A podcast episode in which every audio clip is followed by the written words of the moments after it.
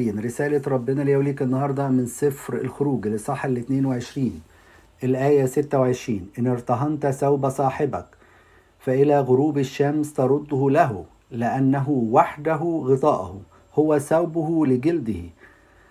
في ماذا ينام فيكون إذا صرخ إلي إني أسمع لأني رؤوف. آية رائعة جدا. يورينا ربنا إزاي إله رؤوف ومتحنن على كل واحد فينا خصوصا الضعفاء المظلومين اللي ملهمش حد يسأل عليهم اللي ملهمش حد يدافع عنهم اللي مش متكلين على أموالهم ولا متكلين على مراكزهم اللي ملهمش حد خالص ملهمش أي حاجة يستندوا عليها.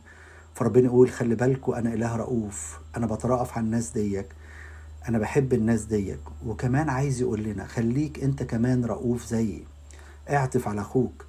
لما تشوف أخوك محتاج اعطف عليه. وكمان خلي بالك لما تشوف أخوك في ضعفة ترأف عليه ما تضغطش عليه وما تزودش عليه ال- ال- الضعف اللي عليه. خلي بالك كلنا مليانين بالضعف. فربنا النهارده بيعلمني ويعلمك بيقول لي خليك رؤوف. خليك رؤوف في وسط أسرتك. خلي كل واحد فينا كزوج وزوجة رؤوف على التاني. يحتمل أخطاء التاني وما يقعدش يدينه. خليك رؤوف على أولادك. ما تقعدش تعاملهم بقسوة لكن عاملهم برأفة. اتعلم من ربنا. حتى لما تؤدبهم أدبهم برأفة. ربنا عايز يقول لي يقول لك النهارده خليك رؤوف زي ما أنا رؤوف. واوعى تظلم حد اوعى تاخد حق حد.